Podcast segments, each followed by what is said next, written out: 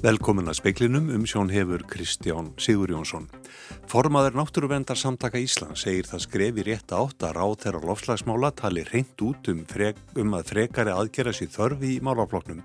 Hann man ekki eftir svo afdráttarlausiri afstöður á þeirra. Íslenska þjóðin gæti þurft að kljástu verbolgur næstu tíu árin, segir Katrín Ólafstóttir Hagfræðingur. Ársverbolgan mælist nú 7,2% svo mesta í 12 ár. Hagstjórn peninga og ríkisfjármála verður vandasöm næstu árin. Erdogan fórsetið Tyrklands tilkynnt í dag að stjórnvöld þar ætluð að byggja íbúðir og nöðsynlega innviði í Sýrlandi í vonum að geta kvart miljón sýrlenskara flótamanna til þess að flytja aftur heim. Fjörgamalt fólk situr lasið heima og fær ekki þá aðlinningu sem það þarnast. Þetta segir landsamband eldri borgara og krefst skjótra viðbraða við uppbyggingu nýra hjúgrunarheimila. Mikilvægt er að huga sérstaklega stöðu kvenna og stúlna og flóta, segir Ingi Björg Solún Gísladóttir fyrirverðandi auðaníkisáðara sem er nýsest í stjórn UN Women á Íslandi. En við byrjum á frétt sem að var að berast, staðfest var nú síðdeis að fuggla flensu veira sem greinst hefur hér á landi er af tegundinni H5N1 sem er skætt afbríði sem geisað hefur í Evrópu. Birgette Brugge, sérgreinarlæknir alifuglasjúkdóma, segir málið graf alvarlegt. Fuglaflensuveiran hafi fundist í mismunandi fuglategundum og sé útbreytt útbreytt í viltum fugglum hér á landi. Smitt hætta fyrir alifugla er mikil og bríntað fugglaeigandur gæti ítrustu sóttvarna, segir í tilkynningu á VF matvalastofnunar. Aðbreyðið greintist í hænum á skeiðum og heiðagæs í hornabyrði. Formaði náttúruvendar samtaka Íslands fagnar því að ráð þeirra lofslagsmálar tali afdráttar löst um að stjórnvöld þurfi að gera meira til þess að bregðast við lofslagsvanni. Guðlugur Þór Þórðarsson, um hverfis orku og lofslags er á þeirra, sagði í ræðu á lofslagsdeginum í hörpu í dag að stjórnvöld þyrtu að gera enn betur í lofslagsmálum. Ísland er á eftir mörgum þeim löndum sem við viljum bera okkur saman við í aðgerðum í lofslagsmálum. Ég man ekki til þess í svipin að ráðamenn í Íslandi hafi talað svona að vinskast í tíu ár og sjálfnast áður heldur. Segir Árni Finnsson, formadur Náttúruverndar Íslands. Hann segir það skref í rétta átt að ráð þeirra tali svo afdráttalöst. Ég held að það er miklu auðvitað að fá almenning til að vinna með stjórnvöldum ef að ráðumenn og ekki síst umhverfisráðara tala reynd út og reyna ekki að fægra myndinni sem ekki hefur gert að tala um uh, hversu Ísland er framalega í hreitni orku. Er að eh, við höfum mjög mikið eftir þess að ná þeim samdrætti sem við höfum skuldbindið okkur til að ná. Losun á Íslandi árið 2020 var 13% minni en viðmiðunar árið 2005 en núverandi skuldbinding Íslands er 29% samdráttur. En örfusambandi kallaði á að við tökum enn betur til hendinni og fórsetstráður hefur þá nefnt eins og 40% samdrátt fyrir árið 2030 og það verður erfitt. Rótækari aðgerðir þurfi til þess að ná slíkum markmiðum til dæmis í orkuskiptum. Ramagn fyrir olju og bensín, það þarf að hraða því mjög mikið. Það er rétt átt að við, við höfum tömurt mikið eftir. Sagði Árni Finnsson, Andri Irkil Valsson talaði við hann. Tyrknesk stjórnvöld ætlaði að byggja íbúðir og nöðsynlega innviði í Sýrlandi í vonum að geta kvart miljón sýrlenskara flótamanna til þess að flytja aftur heim. Erdogan fórsetið tilkynnti þetta í dag. Alls eru nú um 3,6 miljónir sírlenskra flótamanna í Tyrklandi, fólk sem flúði borgarastyrjöldina sem geisað hefur í landinu frá því 2011. Erdogan hefur sætt aukinni gaggrinni heima fyrir síðustu vikur og mánuði vegna veru flótafólksins í Tyrklandi. Þessi nýju áform þykja til þess fallin að læja öldurnar og bregðast við gaggrinninni enda þing og forsetakostningar á næsta ári, segir í umfjöllun AFP. Í myndbands ávarpi sagði Erdogan að stjórnvöld undirbyggju að senda sírlenska bræður sínu og sýstur aftur heim og að unnið yrði með alþjóða samfélaginum, stopnunum og samtökum að uppbyggingunni. Um hálf miljón sírlendinga hefur flutt aftur til heimalandsins frá Tyrklandi á svæði nærri landamærunum sem Tyrklandstjórn telur örugt frá árunni 2016. Nú stendur til að byggja fleiri íbúðir þar, skóla og sjúkrahús. Áformað er að byggja 100.000 íbúðir fyrir lok þessa árs. Þórgnýr Einar Albersson saði frá. Landsamband eldri borgara krefst skjótra viðbraða við uppbyggingu nýra hjúgrunarheimila. Fjörgamalt fólk sýti í lasið heima og fá ekki þá aðlýningu sem það þarnast. Í álítun landsfundar sambandsins í dag segir að til að mæta óbreytri þörf sé nöðsynlegt að bæta við 136 hjúgrunarýmum á ári. Það er vitnað í skýslu Haldós S. Guðmundssonar frá því fyrir sumar. Hann lagði mat á þörfina fram til ásins 2035 miðað við óbreytt hlutfall 80 ára eldri sem þurfa að búa á hjókrunarheimili. Svo fjárfæsting kosti rúma 6 miljardar króna á ári. Samkvæmt fjárlögum 2023 til 2027 eigi að verja samtals 19,5 miljardir króna í þennan málarflokk næstu 5 árin og það dugi því skamt. Fyrir þá fjárhæðin sé aðeins sagt að opna um 70 ný rými á ári. Eldri borgarar krefjast skjótra viðbræða og að uppbyggingun í heimilegum landa allt verði hrafað. Í álituninni segir að þetta sé neyðarkatt frá landsambandinu um að stjórnvöld þækja á þessu málum tafarlust. Ófremdar ástandir íki, fjörgamat fólk sitt í lasið heima og fá ekki þá aðlýningu sem það þarnast og að margir aðstændendur séu örmagna. 425 býða eftir plossi á hjúgrunarýmum þar á tæplega 100 sem líki á landsbítalanum segir í áleitun landsabats eldriborgara. Sambandið krefst einni fjölbreyttari lösna á húsnæðismálum fyrir eldra fólk í landinu. Arnar Björnsson sagði frá.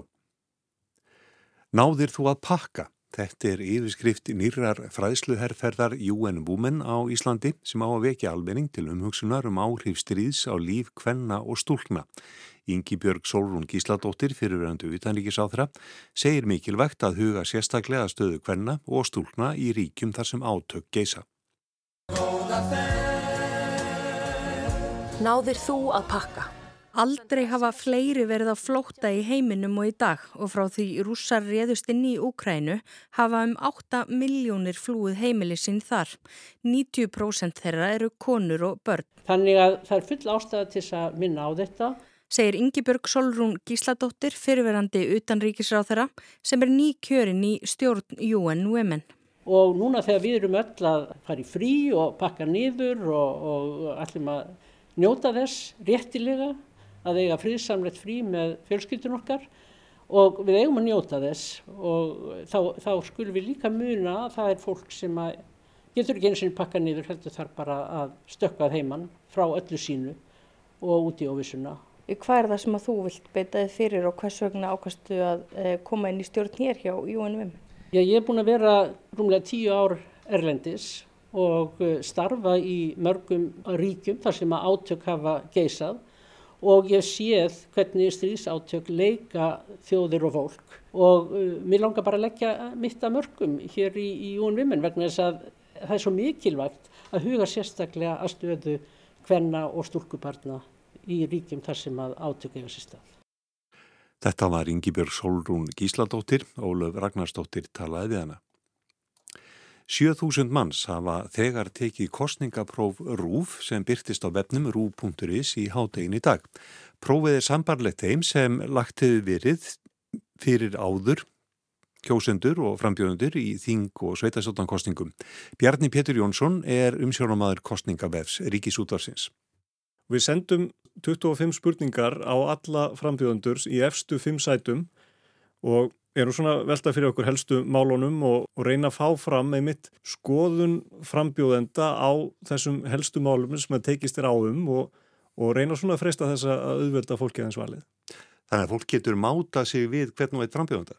Já, þú getur skoðað í rauninni svör hvers og eins frambjóðenda í þínu sveitafélagi og flokka þannig niður ef að þú býrði í góðbói og vilt fá borgarlínu og þá getur þú farið í þá spurningu og séð í rauninni hvernig frambjóðendur svara hvort að þeir eru lindir borgarlínu eða ekki til dæmis og þannig fengið út svona stefnu flokka og hverjir eru þá líkastir þínum áherslum fyrir kostningarnar.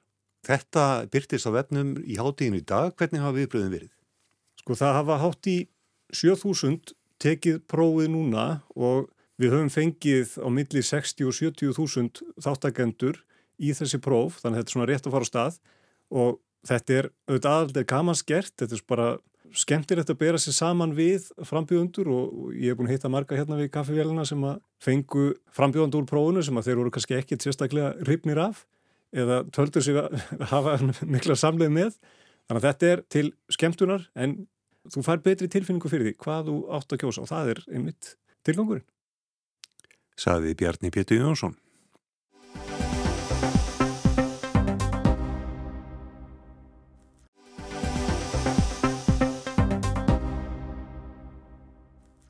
Verbolga síðustu tólmánaða mælist nú 7,2% hér á landi. Það er mesta verbolga í 12 ár og útlitið er ekki gott, korki til skemmri eða lengri tíma. Íslandingar eru ekki einir um að kljást við verbolgu draugin. Flest nágranna löndstanda í svipuðum sporum. Stríðið í Úkrænu og COVID-faraldrun eiga stóran þátt í verbolgunni en fleira kemur til. Speillin fekk Katrínu Ólafstóttur hagfræðing og dósent við Háskólinni Reykjavík til þess að greina stöðuna. Hver er ástæða verðbólgunar? Það er nokkrar ástæði fyrir því og mikið umræðan hefur náttúrulega verið húsnæðisverðið. Það er ekki nema hluti af þessari hækkun, en það er að vísu stór hluti, það verður ekkert hort fram hjá því. En það sem er líka eru bara aðstæður til dæmis í heiminum í kringum okkur, það sem að ráfurur er að hækka mjög mikið, olíverð er að hækka mjög mikið og það eru enþá þetta sem við kallum í framleyslu ferlánum, það er að segja þessi hnökrar sem er að valda hækkunum. Nú svo erum við líka að sjá breytingu á eftirspurn, bæði vegna COVID og vegna stríðsins í Úgrænu það er að segja, ólíuverð fer upp og þá ekst eftirspurn eftir rafbílum og, og það eru nökrar í því að framlega rafbílana, þannig að þetta svona hefur allt áhrif hvert á annað. En þessu til viðbútar, þá ef við horfum bara á innlenda verðbólku, þess að vísitölu nesluvers, einstakir liðir er að hækka mjög mikið og það eru mjög margir einstakir liðir sem er að hækka. Og það er svolítið svona áíkefni finnst mér, svona þegar við tökum húsnæðisverðið út fyrir svega Hvaða liðir eru þetta? Þetta eru bara liðir almennt, það er bara stór hluti af undirliðum vísitölu neysluverð sem er að hækka umfram 2,5% segjum. Innlend framleiðsla, það hefur verið talað um að íslenskar landbúnaðurur hafi hækkað mikið. Hver er ástæðan fyrir því? Já, það er erfitt að segja nákvæmlega þar en, en að mörguleiti er eins og innlend þjónust að hækka og það kannski er hægt að reykja yfir í kjærasamninga, síðustu kjærasamninga sem gerði voru, þar sem að launahækkanir voru tölvört miklar. Hvað er til að ráða? Hvernig á að halda verðbólkurinn nýri? Það er nefnilega hausverkurinn. Þetta er náttúrulega ekki bara Íslands fyrirbæri, það er verðbólka er að aukast víða. Einhverju leiti gæti vaksta hækkun slegið á hluta af þessu en eftir stendur þessi ráfuru-hækkun sem við höfum enga stjórn á og engin, getum ekkert breytt á neitthátt vegna þess að þetta er jú bara vöru sem við kaupum annar stað frá og, og ráfurur er að hækka í öllum heiminum. Það er stýri vaksta ákvörðun á morgun hjá peningastefnunemnd Sælabankans. Sér þið fyrir þér hvað gerist þar? Nei, nú set ég ekki lengur við borðið þannig að ég get ekki sagt það en það kæmir ekki ávart að sjá hækkun hversu mikil hún verður það þór ég ekki að spá fyrir. Þú talaður um ástandið erlendis. Er það engöngu stríðið í Úkrænu sem hefur þessi áhrif þar? Ég, þannig erum við að sjá fyrst afleðingar af COVID, þar sem að framlegsluferðlanir rundu svolítið. Síðan erum við að sjá þessa hækkuna á ráfurum. Síðan er það stríðið í Úgrænu, þar sem að olíverð er að hækka og, og við, sagt, flest vesturlönd er að breyta sínu innkaupa munstri að kaupa annar stað frá heldur en frá Rúslandi, þar sem að kannski frambóði er ekki til staðar, þannig að verði, verði fer upp og þessi áhrif sko, framlegslu hnögræðina vegna COVID hafa tekið miklu lengri tíma að leysa úr því heldur en við reknaðum með og þessi áhrif munir síðan halda áfram vegna þess að í Úkrænu er mikið landbúnaða framlegsla og það er mjög lítið verið að sá akkurat núna þannig að það er eiginlega ófyrir séð hversu lengi við verðum að vinda ofan af, af þessu ef ekkert annað bætist við þar að segja. Eru öll Vesturland sýtið þau öll í sama borð þarna? Það er náttúrulega mjög sjamt en þau eru öll, flest er að horfa á meiri verðbólgu til dæmis. Er, verðbólga er í, í Þískalandi að herra heldur nú verið í ára tugi og saman má segja um bandaríkinn þannig að þessi verðbólgu vandamáli er bara eh, víðaskvarum allan heim. Öll er að verða fyrir áhrifum af COVID og, og þrýðinu en kannski vandamálin eru mismikil, til dæmis er Þískaland köpum mikið af elsneiti frá, frá Rúslandi og, og þar eru þeir að skoða hva, hvað aðrir möguleikar er í, í, í bóði. Ef þú lítur fram á næstu vikur, hverjar eru horfurnar? Binda menn vonu við að, að verðbólgan hjaðni? Nei, það er nefnilega engin merkjum þá. Það er kannski svona mest ágefni varandi verðbólkuna eru verðbólku væntingar að hafa farið hækandi. Og það er ekki bara skamtíma verðbólku væntingar, heldur langtíma verðbólku væntingar hafa líka farið hækandi. Þannig að það er svona á markanum og, og meðal fyrirtækja þá verðist vera eitthvað trú á því að þessi verðbólka fara ekki tjánandi alveg strax. Og það er, það er svolítið ágefni. Ég, það væri mjög eðlilegt ef við segjum skamtíma verðbólku væntingar fara upp en það er bara í ljósi þróunarinnar en það er meira ágefna langtíma örbulguvendingar verðast líka vera á leiðinu upp. Hvað er þá að tala um langan tíma? E, allt upp í tíu ár og þetta er ágefni. Kjara samningar eru lausir í haust hér á landi, e, margi hverjir. Hefur þessi þróun áhrif á gang kjara viðrana? Alveg öruglega. Það er náttúrulega ímislegt margt undir í, í kjara samningum í haust Það hefur verið mikil kaupmáttar aukning á, á núverandi samningstímabili. Það er útlitt fyrir að það breytist ef að kjærasamningarna fara elda verðbólkuna að þá er hægt að við því að við lendum hérna í, í gamla höfrungarlaupinu. Þannig að það er til, já, það er bara mjög mikilvægt að það takist vel til í haust án þess að verði ómiklar eh, verðbólkahekkanir en að sjálfsögur verður að reyna að horfa til þess að kaupmáttur írn ekki, ekki móf. Mm. Þú talar um að verðbólka gæti farið úr böndunum og þetta gæti kannski tekið tíu ár. Hvernig á almenningur að bregðast við? Það er spurningin, það er náttúrulega fyrir eftir í hver fólk sittur. Þeir sem að skulda mikið, þeir geta að það getur orðið aukning í, í greiðslum þeirra, þannig að það getur verið, já, það, það þrengjast í búi þar. Nú þeir sem að eiga og er að spara, þeir þurfa þá líka að finna einhverja leiðir Þannig að það mun eh, reyna á ímislegt í hagkerfunu á næstu árum held ég. Og stjórnvöld, hvernig það hefur bregðast þið? Stjórnvöld þurfa náttúrulega að mæta þessu að reyna að gæta þess að, já, hvað þau geta gert til þess að, að stemma við verbulgunni eða meira kannski að, að styðja við kaupmáttin. Það er kannski meira þar sem að stjórnvöld geta komið inn. Nú eh, síðan er að passa upp á það hér eh, sem sagt verður ekki þensla þannig að það verður ennþá meiri verðbólka en, en samt þannig að, að það kom ekki illa niður. Þetta, þetta er vandarsamt, þetta er mjög vandarsamt verk sem er framöndan hjá, hjá hagstjórn, bæði peningamála og ríkisfjármála. Sagði Katrín Ólafstóttir, hagfræðingur.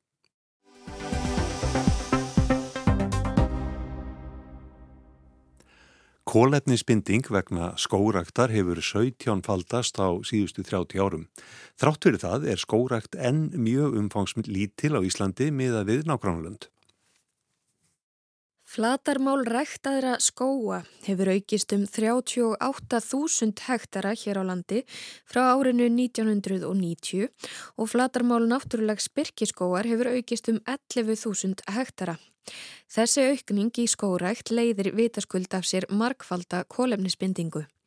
Arnór Snorrason, skófræðingur og deildarstjóri loftslagsdeildar á Mógilsá, rannsónarsviði skóræktarinnar, fór yfir loftslagsbókald skóræktarinnar á loftslagsdeginum í hörpu í dag.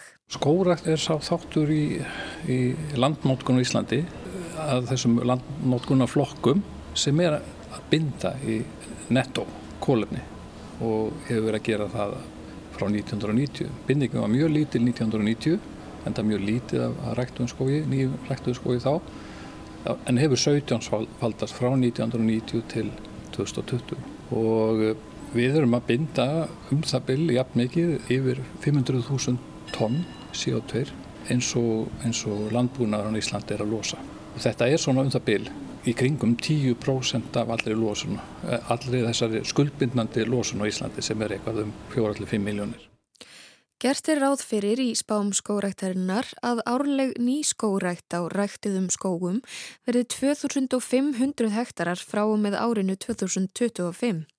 En hversu stóran þátt getur skóræktin átt í að ná þeim markmiðum sem stjórnvöld hafa sett sér í lofslagsmálum? Já, þetta er bara hluti af, af þeim markmiðum getur við sagt og við settum okkur viss markmið samband við Kyoto-bókununa, við náðum ekki þeim markmiðum, það er nokkuð ljóst en þar hjálpaði samt bindingi í skórótt og landgræslu mjög mikið til. Nú er búið að setja ný markmið og uh, einmitt þessi spá sem er verið að sína hér á þessum fundi, bæði varandi skórótt og annað, hún segir okkur til um hvort að við komum til með að ná þessu markmið eða ekki. Og mér sýnist að það sé nokkuð auglust að við komum ekki til með að gera það. Þannig að uh, skórótt eins og annað aðrir þættir, það þarf að spýti lofuna þar til þess að gera meira heldur en að gert hefur verið. Þannig að spáinn segir okkur að við þurfum nöðslega að ráðast í meiri skórækt ef við ætlum að nota hana til þess að spórna við þróunin í lofslagsmálum. Getur við þá og hversu mikið þá? Já, við getum það. En það verður alltaf að hafa það í huga. Þetta er bara eitt þáttur á mörgum og við þurfum öll að leggja, leggja okkur fram í þessu. All verkefni telja og allir verður að taka þátt í þeim. Það getur jæmt um skórækt eins og aðra þætti. Það má ekki bara innblýna á eitt þátt en uh, það er augljóst að skóræktaþátturinn er mjög jákaður og það er hægt að auka skórækt frá því sem gert er ráð fyrir þessari spáð. Það er alveg algjörlega möguleiki.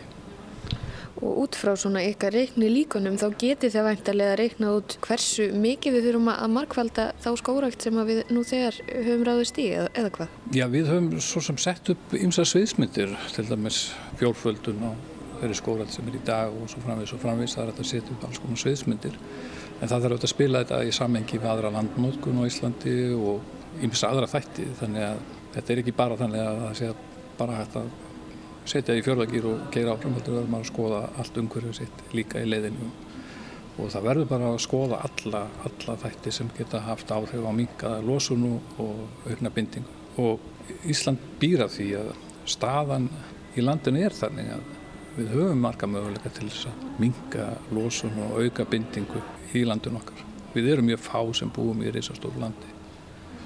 Þannig að það eru miklu möguleikar. En við erum að passa samt upp á það að trafka ekki á náttúrunni og við elgi hana. Í dag þekja skóar og kjarrum 2% af flatarmáli landsins. Kólefnisbinding er mest í ræktuðum skói sem þekur minnst flatarmál. Binding í náttúrulegu byrki er líka mikil og hefur tekið mikinn kepp. Spár gerir ráð fyrir að binding viði vaksins lands muni aukast um 282.000 tonn á næstu 20 árum. Við erum þó hvergi nærri því að nálgast nágrannalönd okkar í skórækt. Við erum rosalega ána með að vera að koma með skó og kærlendi sem þekur meir en 2% á Íslandi sem er óskaplega lítið í svona samabyrðu önnurlandi í heiminum og þar þurfum við að fara að byrja okkur saman við svona eðimerkulönd reynlega til þess að komast í svipaðan hóp. Svona hlutværslega hefur við aukið það mjög mikið eins og við erum búin að 17 falda bindinguna frá 1990 en við vorum að byrja í mjög litlu og, og fariðum okkur yfir kannski daldið mikið. Svona raunstæriðirnar eru ekki stórar. Þannig að eh, Ísland var að þetta frá náttúrulega hendi skóið vaksið millir fjalls og fjöru og við, við teljum að miskustið svona 30% af landuna hafi verið skóið vaksið þegar landnámið átt sér stað en landnámiði hafið þessi það í förmessir að skóginu var meira með neitt. Möguleikarnir eru miklir út af þessari stöð okkar. Til dæmis land eins og Noregur og Svíþjóð og Finnland sem er með mjög mikið af skógi, þau hafa ekki þessa möguleika á að rækta nýja skóa. Því þar er, er all land meira og minna undir skógi sem ekki er notað í annað, til dæmis sem rækta land og, og þýjulikt. En þetta tekur allt tíma? Fyrir þetta, þetta fyrir valla að skila sér strax? Nei, svona fyrstu, hvað við segja, fyrstu fimm árin eru þessar litlu plöntur að gera voðalega lítið. Það er stækka hlutværslega mjög mikið, svona eins og börnun okkar. En uh, þegar þau eru orðin svona stálpuð, kannski tekja þreikja metra há og eru farin að vaksa svona meira kort að öðru, þá, þá eru þau að binda mjög mikið. Og, og mest er oft bindingin svona í kringum svona 20, 30, 40 ár og síðan dregur úr henni þegar skórun orðin eldri. Þannig að þetta er svona sveipað eins og hjá lífrikinu almennt. Þannig að til þess að viðhalda þessari bindingu í skóinu þá þurfum við alltaf að bæta við nýjum og nýjum svæðum. Erstu með eitthvað svona tölu yfir það hvað til dæmis þú myndir vilja sjá ráðist í, í mikla skórækt eh, hér á landi? Ég er ekki hlutlaus, svo, svo það er kannski ekki rétt sko, en ég, held að við getum alveg, við, við erum að tala núna um 2500 eh, hektar ári af nýskórækt, við getum alveg farið upp í já, 5, 6, 7 þúsund hektar á ári á þess að lendi einhverju vandraði með svona infrastruktúrin skilur. Við erum með innviði til þess að halda utanum tölvöld meiri skórætt myndi ég telja hér á Íslandi heldur við erum, erum að gera í dag þess að þess að 2500 hektar á, á ári. Þannig að það eru möguleikar hérna og þetta er auðvitað eins og þú segir þess fyrr sem þetta gerist þess fyrr fyrir þetta að tikka inn og hafa þessi, þessi loslas áhrif en, það, en þetta verður að haldast í hendur við marstana eins og ég sagði á þann að við þurfum að skoða líka aðra þættir sem geta haft árið og það eru margi mjög góðu þættir eins og endur hendur votlendis og landgræslu og slíkt sem, að, sem að eru mjög mikið tóli í þessu samhengi. sagði Arnór Snorarsson. Hafdís Helga Helgadóttir talaði við hann.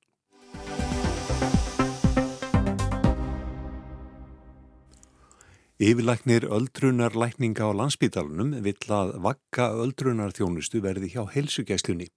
Hann segir ofur áherslu hafi verið á einföldum, pakkalösnum í heilbreyðistjónustu við aldraða hinga til. Úrræðaleysi í heilbreyðistjónustu við aldraða verðist hafa verið álíka síðustu þrjá áratugi og fari var yfir þau máli kveik í síðustu viku. Pálmi Vaff Jónsson er yfirlæknir öldrunalækninga á landsbítalanum og hefur starfað við þær síðustu ára tugi. Vandin likur að mínum að því að það hefur verið ofur áherslu á einfaldar pakkalösnir eins og hugmyndunum að byggja hjókunarheimili og það minni leysa allan vanda. Sama tíma hefur heimaþjónust og grunnvinna við rætur viðfangsefnuna verið veikburða. Ellin er náttúrulega ekkit lampað eiga við en hún tekur völdin á laungum tíma Pálmi segir tilneyingu til þess að horfa fram hjá því hver heilbreyðstarfir eldrafólks eru ólíkar meðaldrafólks. Aldurstengdar breytingar verði ígildi sjúkdóma og samtímis fái eldrafólk oft fjölda kvilla. Það verði fjölveikt. Því fylgi flókin lifja meðferðu og hún geti einnig verið ígildi sjúkdóma sem liggi að baki 10% bráða innlagna háaldraðra. Aldraðandinn að úslita stund þegar að dvöla einn heimilu ekki lengur möguleg ætti að gefa góð tækifæri til að vinna að viðfangsverðinu út í samfélaginu en þessi þáttur hefur verið vanrættur hinga til. Pálmi segir öldrunar þjónustu eiga að vera dreifna áfram af heilbreyðstjónustu. Hann gerir aðtugasemdir við nýju heilbreyðis áætlununa hvað það varðar. Þar ríki enn gamall hugsunarháttur þar sem áhersla sé á að leysa stök vandamál en ekki horta á heildar myndina. Ég er að reyna að tala fyrir því að vakka öldrunarþjónustunir eigi að vera í hilsugjastunni. Alveg eins og ungbarnavernd og mæravernd þar sem við erum á heimsmæli hvarða. En eh, við þurfum að ná vopnunum þegar kemur eldra fólki í einmitt samfélagsstjónustunni í hilsugjastunni. Hér þarf að gera áttak. Ráðast þurfi í heildrænt öldrunarmat með útfærslum sem bræðast við viðfangsefnum sem greint eru í tíma. Til þess þurfi teimisvinnu fagfólks líkt og þekkist í ungbanna og mæðravend. Þjónustan sé nú fyrst og fremst krísustjórnun. Ebla þurfi heima þjónustu til muna á samt því að huga að ummununar álægi fyrir ástfinni þá eru um það byrjum 5% af gamlu fólki mjög hrjumir og veikir og annur 10% eldra fólks viðtann. Þannig að hópurinn er ekki ótakmarkaður að stæri, þannig er eiginlega viðráðanlegur og hér líka tækifærin til að þróa öfluga greiningu og meðferð og endurhæfingu í formi teinisvinnu, í út í samfélaginu og það í tíma. Það hljómar svolítið eins og lausnin sé alveg til staðar en það þurfi vinnu og, og hérna einhvers konar svona bara áhuga hreinlega á verkefnu. Myndir þú segja að já, eldriborgarar eh, væru eða aldraðir væru jável settir í einhvers konar annan flokk? Ég myndi ekki halda því fram. Alla, það er ekki viljandi. En það er ekki verið að taka á málunum að fyrir dýft og þeim krafti sem þarf. En, en það er ekki viðurkent hvað eldra fólk er ólíkt með eldra fólki þegar kemur að helbriðstörfum og hvernig við vinnum með þar. Og líkillin er viðtækt heimisvinna og nánari verkvallar. Ég minna það kemur ekki til að engu að við erum í heims, heimsmestarar nánast í ungbarnavend og mæravend það kemur til að því að það hefur verið ringt í allt heila verkferðli. Við þurfum að horfa á rætur viðfangsefnana og bregðast við fljótt og, og samfelt á þessu tímabili þegar fólk er að sapna á sig viðfangsefnum, helsubresti og, og slíku og við þurfum að leggja áherslu að þarna því að þá getur við raun og verið til ég unnið með málinn meirum inn út í samfélaginu. Þannig að lausnin verður ekki að ringja bara á sjúkrabíl og senda fólk á á bráðamáttöku og byggja svo fleiri hjúkunaheimili og, að mínum að því þá væri sennilegt að leysa málinn fullkomlega í tveimur þriðja hluta tilvika og spítalinn fyrir kannski á endanum auðvitað í stórum aðföllum að koma inn í sömma á kannski í þriðjungi tilfella. Nú er þessi hlutföll öðu. Saði Pálmi Vaf Jónsson, Hafdís Helga Helgadóttir, talaði hann og tók pistilinn saman. Það var allara helst í speklinu hjá okkur í kvöld að staðfest var nú síðdeis að fugglaflensu veira sem greinst hefur hér á landi er að tegundinni H5N1 sem er skætt afbríði sem geysað hefur í Evrópu. Matvalastofnun segir málið graf alvarlegt. Og íslenska þjóðin gæti þurft að kljást við verbolgur næstu tíu árin, segir Katrín Ólafstóttir, hagfræðingur. Það er ekki fleiri spekli kvöldsins, tæknum aðri útsendingu var Jökull Karlsson, veriði sæl.